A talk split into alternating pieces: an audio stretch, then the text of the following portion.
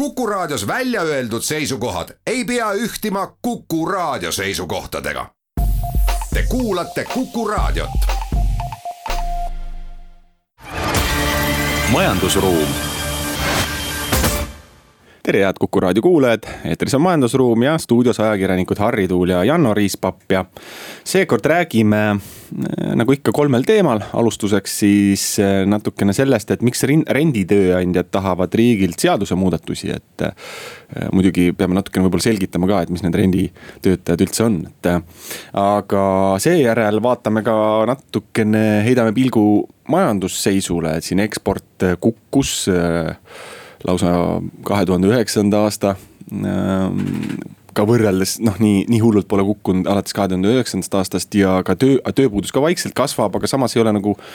noh, sellist äh, sööstu sellele, seal ka olnud, et natuke analüüsime seda olukorda. aga saate teises pooles on meil külas äh, idufirma GoModule asutajajuht Kristjan Maruste et temaga siis räägime nii üldse, kuidas idufirmadel praegu läheb, et mis seal toimub, et. et kas nad raha saavad ja, ja muud sellist, aga ka konkreetselt nende uuest projektist, et nemadki hakkasid siin tõukerattaid arendama ja üritavad sellest siis eestlaste südamed võita. aga hakkame siis renditöö, tööjõust pihta, et no mida üldse renditööjõud, eks ole, tähendab, et äh, tavaliselt on sellised firmad, kes siis aitavad äh, reeglina siis mingisuguseid näiteks suuri tööstusi või ka teenusettevõtteid, aga muuseas ka äh, näiteks programmeerijaid või selliseid väga kõrgelt tasustatud töökohad võivad olla renditööjõud, et see ei pruugi olla. et noh, ettekujutus tavaliselt on see, et see on mingisugune koristaja või või mingi tehases mingisuguse väga lihtsaid töid tegev inimene, et see ei ole absoluutselt nii, et äh, on ka selliseid ettevõtteid, kes pakuvadki alltöövõttu vormis äh, programmeerimis või muid teenuseid. jah, et näiteks Lääne-Euroopas ongi niimoodi, et tegelikult äh, renditööjõudu kasutatakse üldiselt oskustööjõuteenuse sisseostmiseks. et näiteks tegelikult meil siin ka Tallinnast on üks näide olemas, et äh, Ericssoni Tallinna tehas näiteks. seal on kokku umbes kaks tuhat töötajat ja umbes veerand, ehk siis umbes viissada ongi renditööjõud tegelikult. et nad välismaalt ostavad sisse seda oskust, mida võib-olla siit koha pealt ei ole nii lihtne saada. Jah, et, et tegelikult väga kasulik äh, selline moodus kasutada äh, selliseid noh, raskesti kättesaadavaid inimesi, eks ole, või piltlikult ja, ja teiselt poolt ka näiteks ettevõtte, ettevõtete seisukohast on ta selles mõttes kasulik, et sul mingil hetkel on näiteks suurem äh, tellimuste maht sees, äh, mis iganes, mis, mis iganes teenust sa siis pakud või toodet, eks ole, ja mingi hetk on siis vähem, et siis sa saad äh, ilusti mängida sellega, et mingi hetk siis võtta äh, endale töötajaid juurde mingi hetk saata neid minema ilma ilma selles mõttes kogu seda vastutust endale võtmata, et nad su päriselt tööl on, et. et nad tõenäoliselt on siis näiteks, ma ei tea, mõned kuud sinu juures ja siis liiguvad äh, mõne teise tööandja juurde, ega neile ka selles mõttes kasulik. aga muidugi see kasulikkuse aspekt töötab ainult siis, kui need firmad tegutsevad nii-öelda noh, legaalselt ega ürita iga, ega olla loodud selleks, et maksudest kõrvale hiilida või, või muud moodi edu saavutada, et, et, et, et noh, valdavalt ikkagi need ettevõtted on sellised, et, et nad on loodud teatud eesmärgiga, mitte nii-öelda pettuse või mingite skeemi tegemiseks, aga noh, nende kõrval on muidugi sellised just skeemid ja noh, nende vastu siis. noh, ongi paljud ka needsamad Äh, renditööjõu pakkujad, kes pakuvad neid, et. Äh, jah, et kuna võib-olla seda on väga paindlik kasutada, et siis seal nii-öelda alati tekib igasuguseid äh, sullereid võib-olla, kes tahaksid seda ära kasutada. et kas siis nii-öelda võib-olla maksudega natukene nihverdada või siis lihtsalt nii-öelda seda jah, nii-öelda pakkuda nii-öelda madalama, madalamate tööjõukuludega siis seda nii-öelda lihtsamat konkurentsi ettevõtetele. Et äh, see on ka siis võib-olla see põhjus, miks siin võib-olla äh, esimesest juulist siis oligi seadusemuudatus, millega siis nii-öelda pandi suurem kohustus ka nendele kasutajatele või kasutajaettevõtetele, et nad peavad rohkem kontrollima nii-öelda äh, siis nende samade, et, et see tööjõud oleks legaalne üldse, et neil oleks kõik vastavad load olemas et äh, nende pealt on kõik maksud makstud ja nii edasi, aga noh, probleem tekib selles, et äh, väga tihti ongi nagu kolmes riigis kolm osapoolt. et töötaja näiteks noh, on Ukrainast, ütleme, Poolast on see tööjõurendifirma ja siis töötab Eestis. ja siis tekib küsimus, et kus kohas nii-öelda see kuhu need maksud peaks üldse tasuma ja siis seal nagu ahelas võib see kuidagi nii-öelda kuidagi kuskil õhku jääda. jah, et noh on ka ettevõtjad, kes ongi nimelt just selle segaduse, segadust ärakasutamiseks loonud endale ettevõtte näiteks kuhugi Poola, et on, on on kirjutatud sellistest näidetest isegi Postimehes minu meelest, et. Äh, kus siis inimesel on Eestis ehitusfirma, aga selleks, et sinna töötajaid värvata, siis ta on loonud Poola äh, siis mingisuguse renditöövõtte ja siis värbab Poolast või sellest Ukrainast töötajaid. ja ja ongi selline nii-öelda skeem sisuliselt ja siis see eh, maksude maksmine on ka noh, eh, niimoodi täpselt niimoodi ära hajutatud, et kas ta tulumaksu maksab siin, aga sotsmaksu peaks hoopis maksma justkui Ukrainas ja kas ta seda maksab, on väga keeruline ka kontrollida. sest noh, no toome näiteks Poola, eks Eestis on hästi lihtne vaadata, mis ettevõte, mis maksud on maksnud, eh, mis ta majandusaasta aru andnud, kas ta päriselt ka tegutseb või ainult vahe või on ainult kest. et meil on olemas äriregister, meil on olemas maksuameti andmed ja nii edasi, et selles mõttes Eesti on selles mõttes väga eeskujulik riik üldse maailmas ja tegelikult ilmselt ka väga väga ainulaadne riik, kus on ühest paarist andmebaasist on võimalik saada väga täiuslik ülevaade. seevastu Poolas on näiteks igas selles voodkonnas ja igasuguses on eh, omad registrid ja neil ei ole sellist ühtset andmebaasi, kus näiteks isegi ettevõtete tegutsemise kohta oleks võimalik eh, ühtset infot saada ja seetõttu noh, ongi võimalik niimoodi vaikselt skeemitada, et teine probleem on seal see, et osad inimesed ju ei ole üldse isegi mitte renditööjõud, vaid on Eestis ju noh. Nad töötavadki mustalt, tulevad siia põhimõtteliselt eh, justkui nagu viisaga ma ei tea, olgu see siis noh, Ukrainast näiteks. noh, mõni tuli isegi viisaga, lihtsalt proovivad kuidagi piirilt üle saada, eks ole no,. jah, ukrainlastel oli ju vahepeal ka Poolaga näiteks see viisavaba äh, selline, no ütleme, Ukra-, äh, tähendab ühepoolne viisa, ühesõnaga nad saavad viisavabalt siia tulla mingiks ajaks, eks, nad tulevad mm -hmm. siia ja unustavad ennast äh, põhimõtteliselt siia ära, eks ole, et ega. ega seda kontrollida on keeruline, et, et siin hinnanguliselt on selliseid töötajaid Eestis, noh, numbrid on väga erinevad, et tuhat kuni viis tuhat võib olla, et nüüd küsimus on, et kas neil ka nüüd sellesse majanduskriisi tingimustes noh, üldse tööd on, et, et tegelikult mõnes mõttes see renditööjõu kasutamine on selles mõttes kasulik kogu riigile, et noh, et kui see töö otsa saab põhimõtteliselt piltlikult Eestis, noh, et ütleme, me hakkame täna vähem ehitama või vähem mingeid asju tegema, et siis ega see renditööjõud siis noh, peaks, peaks justkui lahkuma. sisuliselt saab üleöö minema saata, kui nii-öelda julmalt öelda, et et see on ka võib-olla jah põhjus jällegi, miks ahvatlema, et ta on jällegi jah paindlikum ja sul nii-öelda, sa ei pea mingisuguseid nii-öelda et see sotsiaalsete tagatiste nii-öelda asi on nagu pidevalt olnud nii-öelda selle rendifirma vastutus, eks ole jah, aga noh, ütleme alati on see, et need, kes on nii-öelda ametlikult ausalt tegutsenud, noh äh, neid saab ka kontrollida ja, ja, ja, ja neid saab jälgida, aga keda ei saa jälgida, on just need, kes üritavad nii-öelda petta, et selles mõttes on nagu noh, vastupidine justkui konkurentsieelis, et konkurentsieelis ei ole mitte nendel, kes on äh, ausad ja läbipaistvad, vaid pigem need, kes hiilivad nendest äh, meie reeg-, meie tegelikult ühiselt kokku lepitud reeglitest ja. ja kokkulepetest nii-öelda kõrvale, aga, aga noh äh, ja noh, seepärast on ka ju tulnud ka mõned siin näited ka sellest nii-öelda võõrtööjõu ärakasutamisest või sellisest nii-öelda orjatööst, et nagu eestlased olid kunagi äh,, ma ei tea, Soomes seal väga kehvades tingimustes, et on näiteid ka ju, kus ukrainlased või, või valgevenelased või muu, muust rahvusest inimesed on Eestis samamoodi väga kehvadest tingimustes hoitakse ja nii edasi, et, et et jah, et see olukord äh, nüüd äh, võiks natukene selgineda, siis ma saan aru, esimesest juulist, kui see kohustus kontrollida ei ole mitte ainult nendel rendifirma. noh, ütleme, ei ole see nendel inimestel endil, vaid ka nendel, kes seda teenust kasutavad, et see tegelikult pigem noh, kui see just väga palju koormust li ei lisa, ütleme suurtele firmadele, halduskoormust. nojah, see on juba siis... suur muutus, et, et täpselt, et rendifirmad peavad siis nii-öelda registreerima need renditöötajad Maksu- ja Tolliametis. et tegelikult siis on mingisugune ülevaade olemas, et vähemalt enam ei saa kuidagi pugeda keegi selle taha, et ma, ma ei tea või ma ei näinud või ma ei oska öelda, et eh, nojah, et kõik see mingi kohustus on kogu aeg olnud, lihtsalt maksuametil on, tundub, on sellised hoovad, mida päriselt kasutada, et, et ütleme, siin oli vist kas töö, tööinspektsioonis või kuskil pidi, on olnud see kohustus kogu aeg isegi lähetatud töötajaid äh, äh, nii-öelda registreerida, aga noh, see, kas seda tehakse või mitte, noh, see on omaette küsimus, et äh, aga teeme nüüd väikese pausi. majandusruum jätkame saatega, stuudios ajakirjanikud Harri Tuul ja Janno Riispapp ja kui enne rääkisime renditööjõust, siis vaatame nüüd otsa majanduse seisule, et siin on viimasel ajal tulnud eri, hästi erinevaid ja palju numbreid just eh, eelkõige teise kvartali kohta, kus oli siis nii eriolukord kui ka. Eh, või noh, koroonakriisi ütleme tipp ja eriolukord ja nii edasi ja kogu majandus põhimõtteliselt nagu tardus, et, et mis numbrid sealt äh, paistavad, Janno? Äh, maikuus kukkus eksport siis kakskümmend viis protsenti, et nii suurt langust pole olnud vist kahe tuhande üheksanda aasta teisest kvartalist, kui oli siis viimane nii-öelda masu. Et äh, iseenesest midagi väga üllatavat seal tegelikult ei olnud, et seda oli oodata juba noh, nii-öelda tööstustoodangu numbritest ja nii edasi ja.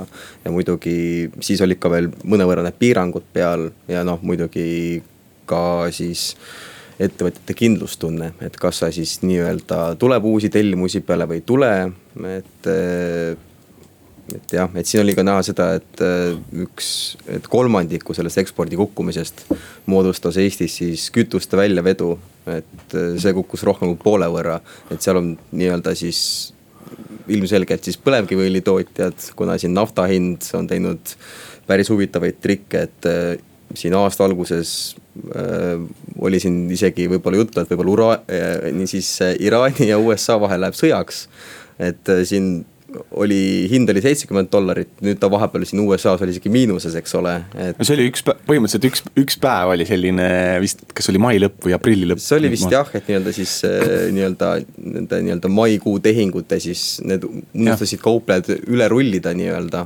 ja siis seetõttu polnud seda väga kuhugi panna, et kõik nii-öelda mahutid olid täis, kõik potid ja pannid nii-öelda, et. et siis taheti sellest nii-öelda lahti saada kiiresti. nojah, see ongi selline täitsa eriline sektor selles mõttes, et seal justkui sattus kaks kriisi korraga aga et ühelt poolt seal ju Venemaa ja põhimõtteliselt OPEC ja Venemaa läksid tülli ja hakkasid siin hinnas, põhimõtteliselt hin, astusid hinnasõtta, et mõlemad ujutasid. noh, põhiliselt Saudi Araabia küll ujutas nii-öelda turu naftaga üle ja et siis äh, sundida Venemaad koostööle ja siis teha USA-le haiget. aga siis tuli kohe see koroonakriis, ehk siis ka nõudlus kukkus ära korraga ja, ja, ja siis juhtus noh nojah, siis kaduski nafta hind kadus ära, et. jah, pooled laevad ja lennukid ju mingi hetk seisid maa peal sisuliselt, et. et see lööb ka kõvasti siis Eesti põlevkivisektorit, et kuna nende põhitoodang lähebki mere või siis laevakütusteks et äh, siis neil oli ikka väga-väga keeruline, et ütleme, neil vist on juttu olnud, viiskümmend dollarit võiks olla see nafta hind, millega neil on üldse kasumlik toota. et noh, praegu on ta kuskil seal neljakümne dollari kandis, aga vähemalt ta pole ainult kakskümmend dollarit, eks ole, et sul on täiesti võimatu. et nad on ka nagu pisut nagu tulevikutehingutega neid riske maandanud, aga noh, et ega igavesti nagu selliste hindade juures nad äh, konkurentsivõimelised ei ole no need numbrid jah, on sellised kurvad mõnes mõttes. Eh, noh, samas kaubad nagu on kogu selle eriolukorra ajal ju liikunud ja noh, välja arvatud seal eh, mingi hetk, kui Poola pani oma piirid kinni ja, ja eks neid tarneahelates erinevaid probleeme on olnud, et kui ettevõtjatega ka rääkida, et. et, et võitsid need, ma olen nagu mitmest kohast kuulnud, et, et kui sul põhimõtteliselt oli varutud midagi lattu, eks ole, mingit näiteks mingi oma, oma toote mingeid osi, et siis oli noh, siis sa elasid selle aja kenasti üle, aga aga mingid kaubad ikkagi jäid väga selgelt äh, kuhugi kinni, et kui mitte siis äh, väga pikalt, siis äh, noh, tavalise mõnepäevase tarne asemel pikenesid mitmenädalaseks, et. Et äh, aga mis, mida sellest nagu, mis me järeldame sellest, et äh, kas see on nagu ajutine kukkumine või, või võiks sealt või võiks tulla kiirem taastumine või et, et on ka nagu väga segased signaalid, oleneb vist ka samamoodi sektorist. jah, oleneb, et äh, üks näitaja on see ostujuhtide indeks, mis näitab siis seda võib-olla äh, kindlustunnet või siis seda nii-öelda majandusaktiivsust, et need tegelikult siin viimasel ajal on juba ütleme aasta alguse tasemel. et ikka nähakse aina positiivsemalt, et noh, kui me räägime, et siin see on sihuke tervisekriisist nii-öelda kuidagi äh, tulnud majanduskriis. et siis samal ajal, kui me vaatame näiteks USA-sse, siis seal nakatunute arv teeb siin viimasel ajal isegi rekordeid. aga noh, börsid siis nii-öelda äh, tehnoloogiafirmade eestvedamisel siin aina tõusevad, et see on selline noh, jällegi, et, et võib-olla ma ei oskagi öelda, võib-olla see on sihuke nagu uus normaalsus, kus võib-olla investorid ei taha kuidagi maha magada. no siin üks äh, huvi, huvitava sellise mm, noh, kokkuvõtte tegi äh, Eesti Panga ökonomist Kaspar Oja, et kus ta nagu nägi sellist seost selle vahel, et kui suured piirangud on selles konkreetses riigis. ja siis Eesti kauba, no ütleme kaubavahetuse võimalikkus selle riigiga, noh, mis on ka mõnes mõttes ka loogiline aga noh, siis selles, selle põhjal võib eeldada, et noh, et need piirkonnad, kus on just see noh, koroonaviiruse alles tippu jõudmas või et need piirangud on veel suured, et nendega, nendega kaubavahetuse taastumine on ka ilmselt siis võtab rohkem aega ja, ja ja nõuab rohkem pingutusi, et samas noh, iga kriis on ju ka mingi võimalus, et võib-olla jällegi tekib mingi hetk hakatakse jällegi üle vaatama, et kes su nagu partnerid on, et, et, et, et kes on nagu kannatlik ja oskab võib-olla õigele nupule vajutada, et võib-olla temale hoopis tekib äh, võimalus mingile uuele turule. jah, aga noh, Eesti ikkagi sõltub väga palju ekspordipartneritest, et noh, samas kui me võtamegi näiteks äh, Rootsi, eks ole, kellel olid väga leebed piirangud, väga midagi seal nii-öelda karantiini ei kehtestatud. Äh, siis tegelikult ka nende igasugused majandusnäitajad näitavad, et ettevõtjad et eh, ei ole nagu väga palju positiivsemad tuleviku suhtes, kuna nemad samuti nii-öelda sõltuvad ka oma naabritest ja üsna palju, et, eh, et, et see nagu võib-olla ongi see võrdlus, et, et eh, meil siin olid suured piirangud, meil on üsnagi kontrolli all see viiruse levik. aga Rootsis näiteks, kuigi piiranguid ei olnud, siis ikkagi ta lööb samamoodi tööstust ja majandust jah, aga samas noh, see on huvitav selles mõttes, et ega okei okay,, inimeste liikumine on piiratud, aga kaupade ja tee-, noh liikumine ju ei ole, et selles mõttes seal võiks olla, aga. aga just see, ilmselt see üks pidur on just, ongi see, millest me oleme siin rääkinud, et selline hirm või mis, mis saab, et kas ma julgen investeerida, kas ma julgen. noh, osta uusi, ma ei tea, mingisuguseid seadmeid või uusi, noh kasvõi uut autot, eks ole, piltlikult, et kui me vaatame automüügid on ju kukkunud siin. noh, isegi kuni viiskümmend protsenti ja rohkem, eks ole, siin mõnedel kuudel et.... see on jah teadmatus, et ega me ju täpselt täpselt ei tea veel isegi, mis asi see viirus on ja kuidas temast kõige paremini jagu saada, et, et ütleme, kui tulevadki esimesed vaktsiinid või nagu kindlus, et me saame selle mingil moel sellega kõige efektiivsemalt võidelda, et siis kohe ka läheb kõigi silmis nii-öelda see tulevik ka helgemaks Äh, jah, et äh, samas siin näiteks Jaan Puusoo Krimelte, kes ostis ka siin mõne nädala eest Krimelte jälle välja. Äh, või noh, mis jälle, et ostis nii-öelda väikeosanikelt välja, et ta käis ka, rääkis ka meil siin saates, et. et mingi hetk siin aprillis-mais vajusid ikkagi tellimused noh täiesti kokku ja noh pilt tundus pigem nagu kurvavõitu, aga siis mingi hetk jällegi hakkasid tellimused tagasi tulema ja, ja, ja, ja selline pilt muutus natukene või noh, mis natukene, muutuski rõõmsamaks, et, et selles tähenduses, et kui arvestada, et riigid ka päris palju siin äh, panustavad ja telli-, noh äh, pumpavad põhimõtteliselt raha majandusse ja, ja et sealt võib noh, sellise ütleme päästik või selline käi-, noh, selline käivituskoht olla, et. et aga ilmselt sellest, kuidas Eesti, Eesti riik kuhu ja, ja kui suures mahus raha kulutab, et sellest äh, hiljem siis Postimehes mis see Tund Postimehega on, sellest saate varsti juba, varsti juba kuulda, aga teeme nüüd äh, pausi. majandusruum. Tere tulemast tagasi, äh, stuudios endiselt ajakirjanikud Harri Tuul ja Janno Riispapp ja meil on külas idufirma Go-Model asutajajuht Kristjan Maruste. No alustaks sellest, et äh, no teil on nüüd uus ärisuund, kuhu me varsti jõuame, aga alustaks sellest, et mida te mis on see teie ettevõtte selline idee või mida te praegu teete? Või et ma saan aru sellise erinevate sõiduseadmete selliseid mingeid vidinaid, aga mis see on, kui nüüd tavaliselt Kuku raadio kuulajale lahti seletada? me alustasime kuus aastat tagasi ja me ühendame siis kõiki sõidukeid, mis on väiksemad kui auto internetti. eelkõige tähendab see siis rattaid ja rollereid, aga enamjaolt siis elektrirattaid ja elektrirollereid. ja internetti on neid vaja ühendada kahel põhjusel, üks on see, et inimesed julgeksid osta endale kallimaid rattaid ja jätta neid tänavale. ehk et siis varguse vastu. ja teine põhjus on siis uute ärimudelite mm, võimaldamiseks või, või siis äh, rakendamiseks ja noh, kõige parem näide sellest ongi see tõukerataste või rataste siis jagamine tänava peal. et kui sa jalutad tänaval, vaatad, seal on see sõiduk, ratas või tõuks ja sa oma äpist paned ta käima siis selleks, et see sinu mobiiltelefonist käima läheks, see käib tegelikult nii, et su mobiil saadab serverisse teate ja siis server saadab selle äh, mobiiliseadmele, mis on sinna tõukerattasse ära peidetud ja siis mobiiliseade ütleb tõukerattale, et mine käima. ja meie siis äh, põhitegevus on olnud teha neid mobiiliseadmeid nii-öelda, mis seal sees on, et see ei ole tavaline mobiiltelefon, aga noh, natukene sarnaselt toimetab, et toimetab ka mobiiltelefoni võrgus no kui suu-, kui suurelt te praegu tegutsete, et noh, kui paljud, ma ei tea, kasutavad seda? me oleme seda... ühendanud maailmas üle kahesaja viiekümne tuhande sõiduki äh, neljakümne kolmes või neljas riigis, nii et äh, päris suurelt mm. -hmm.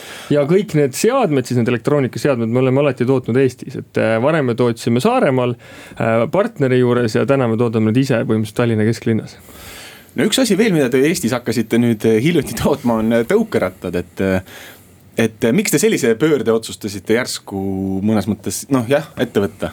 tegelikult meil on nagu kaks ärisuunda olnud, et üks pool on see, kus me töötame siis ettevõtetega, kes müüvad neid eh, rattaid või rollereid siis lõpptarbijale. noh, näiteks Eestis kõik teevad Ampler Bikesi, kes on ka meie klient. Ähm, ja teine pool on siis just need jagamismajandusettevõtted ja kaks tuhat kaheksateist käis siis suur plahvatus pandi need tõukerattad tänavatele, seda tegi mees nimega Travis Vandersanden, kes oli varem töötanud Uberis ja enne seda veel Liftis ja ütles, et ma lahendasin kõik Uberi probleemid.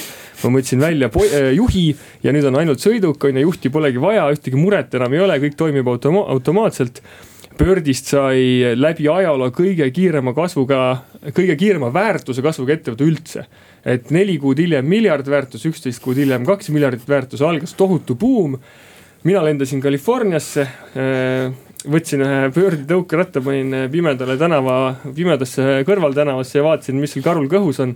ja siis ma sain aru, et meie tehnoloogia tol hetkel oli maailmas nagu ainukene sihuke tööstuslikul tasandil professionaalne tehnoloogia, et seda teha, kõik ülejäänud olid siukses väga arendusfaasis ja siis juhtuski nii, et kõik tahtsid teha Birdi on ju, et äh, väga palju uusi ettevõtjaid tuli üle maailma. kaasa arvatud suuri nagu näiteks Uber ise ja, ja siis me saimegi äh, endale suure klientuuri taha selle pealt nii, aga ah, jaa, kuidas te jõudsite ratasteni? vabandust, ja, ja siis see lõbu kestis sihuke aastakene, poolteist, aga me kohe nägime tegelikult, et vaata mudel oli selline, et sul on operaatorid kes siis opereerivad mm -hmm. neid mhm. sõidukeid linnas. Nad ostavad need sõidukid äh, Hiinast ja siis olime meie vahel siis, kes võimaldas neid sõidukeid internetti panna. aga noh, pikas plaanis see ei ole mõistlik, et mõistlik on see tehnoloogia kohe sinna sõidukisse sisse ehitada. me olime ka käinud palju Hiinas sõidukitootjatega rääkimas ja saime aru, et nemad meiega koostööd teha ei taha sellest võib terve saate teha teinekord. aga siis meil jäigi valida, et kui me tahame selles äris ellu jääda, meil on valik A, me hakkame oma sõidukit tootma ja seda operaatoritele müüma. ja valik B, me hakkame ise operaatoriks, et siis me pidime nagu valima, kumma me neist äh, kahest teest võtame. sest see äri, et me müüme neid äh, mobiiliseadmeid sellesse jagamismajandusse, et see äri saab otsa ja siis me otsustasime, et me hakkame ise sõidukit ehitama, sest me oleme varem ka osad siin mehed elektrivormeleid ehitanud ja siis me hakkasime sõidukit tegema, aga see sõiduk tundus liiga hea, et müüa, siis me hakkasime ise opereerima. ühesõnaga, et alguses oli plaan valida kahe vahel, aga lõpuks valisite mõlemad, jah? Mm, praegu on nii Eestis jah, aga see ei tähenda, et me ei hakkaks seda sõidukit ka võib-olla teistele operaatoritele müüma, et me päriselt ka ei tea, mis me teeme aga noh, teistpidi tundub, et, et ütleme, kui nende äh, ütleme siis seadmete, mobiiliseadmete müük tundub, tundub nagu eriline, et, et noh, neid on ikka kõikidel vaja, eks ole, olenemata firmast, et siis neid firmasid, kes kas rattaid toodavad või, või siis vahendavad või nii edasi, neid on ju palju, et see tundub noh, ütleme tavamõistuse mõistes tundub äh, vastupidi, hästi tihe turg, et, et aga sina ütled, et, et on vastupidi, et, et pigem, et too äri saab otsa ja, ja sinna mahub veel tegijaid. noh, vaata, see on kuidas öelda, et see on nagu mingil määral sihuke võimaldav tehnoloogia, et mis on tegelikult loogiline, et ta on sisse ehitatud, et alguses, noh, see on täpselt sama tehnoloogia. või ütleme, sarnane mudel, kui kunagi oli autodel need Tom-Tomi või Karmini GPS seadmed, eks et äh, kui see tehnoloogia tuli, see oli fantastiline, me kõik ostsime need poest, tõmbasime iminapaga esiklaasi külge. võisime sõita kuhu tahame, mingi äge, Berliin lähen, on ju. Äh, enam ei olnud seda kaarti, mina olen veel nii vana inimene, et mina olen oma isaga sõitnud Euroopa läbi, nii et mina lugesin kõrval kaarti, on ju. see kõik oli nagu ebavajalik, ostsid selle Tom-Tomi, üliäge tehnoloogia ja noh, paned sealt viis aastat, kuus aastat edasi, kallimatesse mudelitesse ehitati kohe sisse, on ju, täna ma isegi ei tea, kes poest enam seda ostu saab, on ju. et see tehnoloogia kõik on läinud siis kas mobiili või siis on ju autosse sisse. ja noh, selle meie asjaga on samamoodi, et see oli alguses selline, et see on väga vajalik, äge tehnoloogia, ta lihtsalt läheb sinna sõidukisse ühel või teisel moel sisse ja ega me ju müüme endiselt seda tehnoloogiat sõidukitootjatele, on ju, kui me räägime lõpptarbijatest mm. -hmm. aga meie põhiklientuur on tegelikult elektrijalgrattad, et kui me vaatame seda elektritõukeratast, siis Euroopas on tohutult palju elektrijalgrataste brände ja ka tavaliste jalgrataste brände, see on tohutult suur tööstus, see on juba vana tööstus, see on üle saja aasta toimetanud.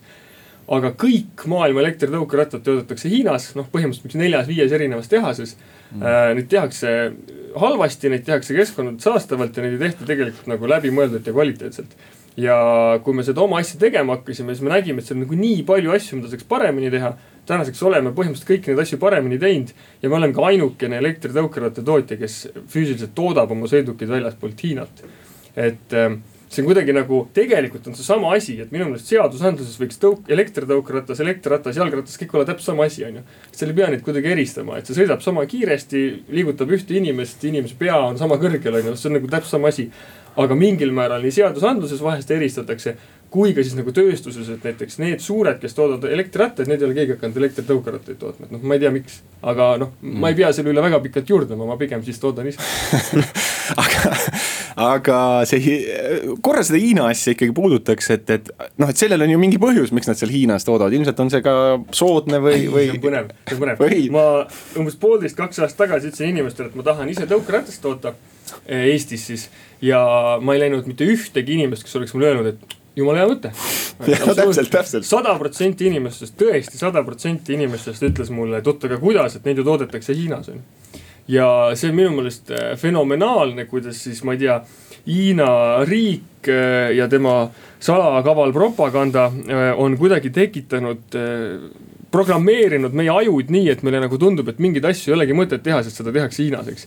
ja kõik Eesti inimesed arvavad, et Hiinas on odav toota ma arvan, et kõik Euroopa inimesed arvavad, kes ei ole nagu valdkonnas. Äh, need inimesed, kes on ise Hiinas käinud ja teavad, palju inimesed seal palka saavad ja milline Hiina tänaseks on, on ju. teavad, et seal ei ole võib-olla enam nii odav toota, et seal kindlasti on tohutu võimekus, on ju, võimsus ja nii edasi. aga see ei ole nii, et Hiinas on nüüd hirmus odav, igal pool mujal on hästi-hästi kallis, et äh, noh kui ausalt öeldes, kui, kui me räägime siin, et riik võttis palju laenu, on ju, siis mina teeks niimoodi, et ma teeks sellise programmi et äh, iga bakalaureuse lõpetanud inimene saadetakse riigi kujul Hiina. Äh, lihtsalt selleks, et ta saaks aru nagu, mis tegelikult maailmas toimub. et kui sa Shanghais äh, lennujaamast lähed sinna kesklinna, siis ma arvan, et nagu viie minutiga purustatakse see meie tänane mudel, mida enamasti inimeste peas on, et Hiina on selline noh, suhteliselt vaene riik ja seal toodetakse hästi palju ja hästi odavalt, et. et äh, ma arvan, et see on nagu ammu juba pöördunud, et ähm, pigem oleme meie vaesed ja nemad on ikkagi väga-väga kaugele jõudnud oma, oma asjadega ja sellest tulenevalt ei ole seal ka enam odav toota äh, aga põhiline on ikkagi see, et kui sa saad kõikidest süsteemidest ise aru ja lähed nagu rohujuure tasandile, siis ei ole mingit vahet, ma arvan, kus sa toodad, see on sul ikkagi lõpuks efektiivsem ja targem no kuidas teid äh, on siin esimese, ma ei teagi, kuu või kaks või kaks vist juba või? kaheksateist mai me alustasime. ongi, siis ongi ju peaaegu kaks kuud, et ja. Äh, täis, et kuidas teid siin vastu võetud on? Äh, vaata, selles mõttes on nagu raske öelda, et pigem hästi, aga ega ma ei tea ju, kuidas teisi vastu on võetud, et mul nagu puudub igasugune selline võrdlusmoment ja see on ka meie esimene linn, nii et me ei oska ka öelda, kuidas nagu peaks vastu võetama. üldiselt on nagu äge kasutajate arv endiselt mõnusasti kasvab, mis on võib-olla kõige olulisemaid äh, näitajaid. Ja meie peamiseid eesmärke oli ju ka seda tõukeratast nii-öelda testida. Ja selle koha pealt on nagu ülihästi läinud, et see, see sõiduk ise on, on veel paremini hakkama saanud, kui me arvasime, et hakkama saab, et, et see on hästi tore. Aga kas see äri ei tundu natuke nagu hooajaline, et on nagu vähemalt Eesti mõistes ju, et saab ju ainult, ma ei teagi, mitu kuud siin on äh, no,. kolm-neli kuud võib-olla saab äkki? ma arvan, et maksimaalselt kolm kuud ei saa sõita, aga kui sa vaatad eelmist talve, siis see enam ei ole hooajaline äri, et saab nagu kogu aeg sõita. aga ei, loomulikult seal on kindlasti mingi suur hooajalisuse nagu aspekt juures ja ega ju ilma ta, et ümber programmeerida ei saa, et eh, meie küll näeme väga palju sellega vaeva ka selle sõiduki disainis ja kogu oma nagu mm, lähenemises, et inimesed ei mõtleks sellest ainult kui eh, kahekümne viie kraadise ilmaga liikumismeetodist vaid äh, paneksid teinekord ka jope selga ja sõidaksid ka natuke halvema ilmaga, sest see on endiselt kõige kiirem ja kõige keskkonnasõbralikum moodus. ja ma arvan, et miks me kõik mõtleme ka, et see on nagu hästi hooajaline, on see, et need esimese generatsiooni tõukerattad või noh, need kolmesaja, neljasaja eurosed, mida poest osta saab, et nad ongi lihtsalt nii halvad. et sa ei taha nendega sõita, kui vihma sajab, sa ei taha nendega sõita, kui mingi pori on, sa ei taha nendega sõita, kui lumi on, sa lihtsalt kardad, on ju, see ongi ohtlik.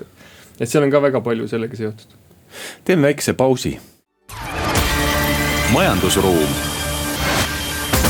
jätkame saatega, stuudios ajakirjanikud Harri Tuul ja Janno Riispak ja meil on külas äh, idufirma Comodor asutajajuht Kristjan Maruste, et rääkisime siin tõukeratastest, et üks küsimus, mis mul kohe selle konkurentsi mõttes tekkis, et siin aasta alguses oli jutt, et noh, et Eestisse võib jõuda viis kuni kuus lausa.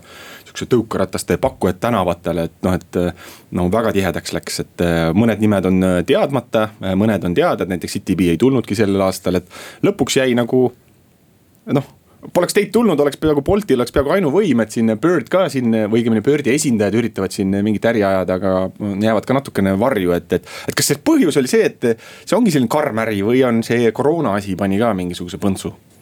Äh, kõik on õige ja ma arvan, et Urmas, nad hakkasid meid kartma ka. Et miks täna Tallinn on hästi äge nagu maailma mastaabis, on tegelikult see, et kõik kolm operaatorit, kes siin tegutsevad, on ühel või vähemal määral nagu kohaliku eluga seotud, et noh, meie teeme kõik siin, on ju, tõukeratta, oleme siin kohalik ettevõte noh, Bolti peakontor on siin, kuigi nad kasutavad, eks ole, Aasia tõukerattaid. ja, ja Bird ei ole ka päris oma brändiga, vaid nagu frantsiisiga, et need mehed, kes nagu seda opereerivad, on ka kohalikud, et see on tegelikult väga unikaalne maailma mastaabis, et enamasti tuleb ikkagi äh, väljast mingi ettevõte sisse ja hakkab nagu toimetama ja lammutama eks see võib-olla natuke nii-öelda siis äh, ülejäänud maailma jaoks ääremaaa koht ka, eks, et äh, aga, aga ei, meie jaoks, meile see sobib. kui rääkida koroonast, siis Laim on ettevõte, kellel on maailma mastaabis kõige suurem number tõukerattaid, ehk siis võib öelda turuliider.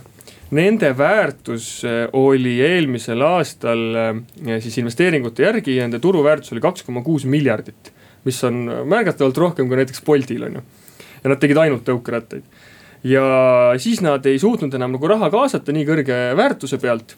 ja nad olid päris suures hädas ja siis tuli peale veel Covid üheksateist ja lõpptulemus oli see, et nad tegid uue rahastusringi, milles osales siis Uber äh, saja kaheksakümne miljoniga, aga ettevõtte väärtus kukkus kahe koma kuue miljardi pealt viiesajale miljonile ehk et siis nad kaotasid peaaegu kaheksakümmend protsenti oma väärtusest. et kui räägitakse sellest, et tehakse investeeringuringe, siis tehakse neid nii-öelda down round'e, kus tuleb väärtus alla. siis on noh, väga halb juba, kui see väärtus kukub kakskümmend protsenti on ju, et noh, see on juba väga karm on ju, see näitab, et see ikka kukkus totaalselt läbi. Nende meeste väärtus kukkus kaheksakümmend protsenti. ehk et äh, selles valdkonnas oli nagu mingi täiesti sõge mull ja mingi täiesti hull nagu ülemüümine ja see tuleneski sellest, et nad võtsid raha, nad kogu aeg laienesid, laienesid, laienesid. Nad proovisid kasutada, kõik need ettevõtted on proovinud kasutada siis seda tarkvaramudelit. ma võtan raha, lükkan raha sisse, saan hästi palju kasutajaid ja ühel hetkel muutun kasumlikuks. aga nad kõik unustasid ära, et seal on see nagu päris maailma komponent, et see tõukeratas läheb lihtsalt katki tänava peale ja varastatakse ära, et, et see ei ole nagu tarkvaraäri. et tegelikult kogu see tõukeratta jagamise äri kõik founder'id, kõik ettevõtted olid loodud tarkvarainimeste poolt ja mina arvan, et seepärast nad ongi kõik läbi kukkunud. et äh, olgem ausad, tarkvarainimesed ei oska äh, päris maailma mehaanika asjadega väga hästi ümber käia.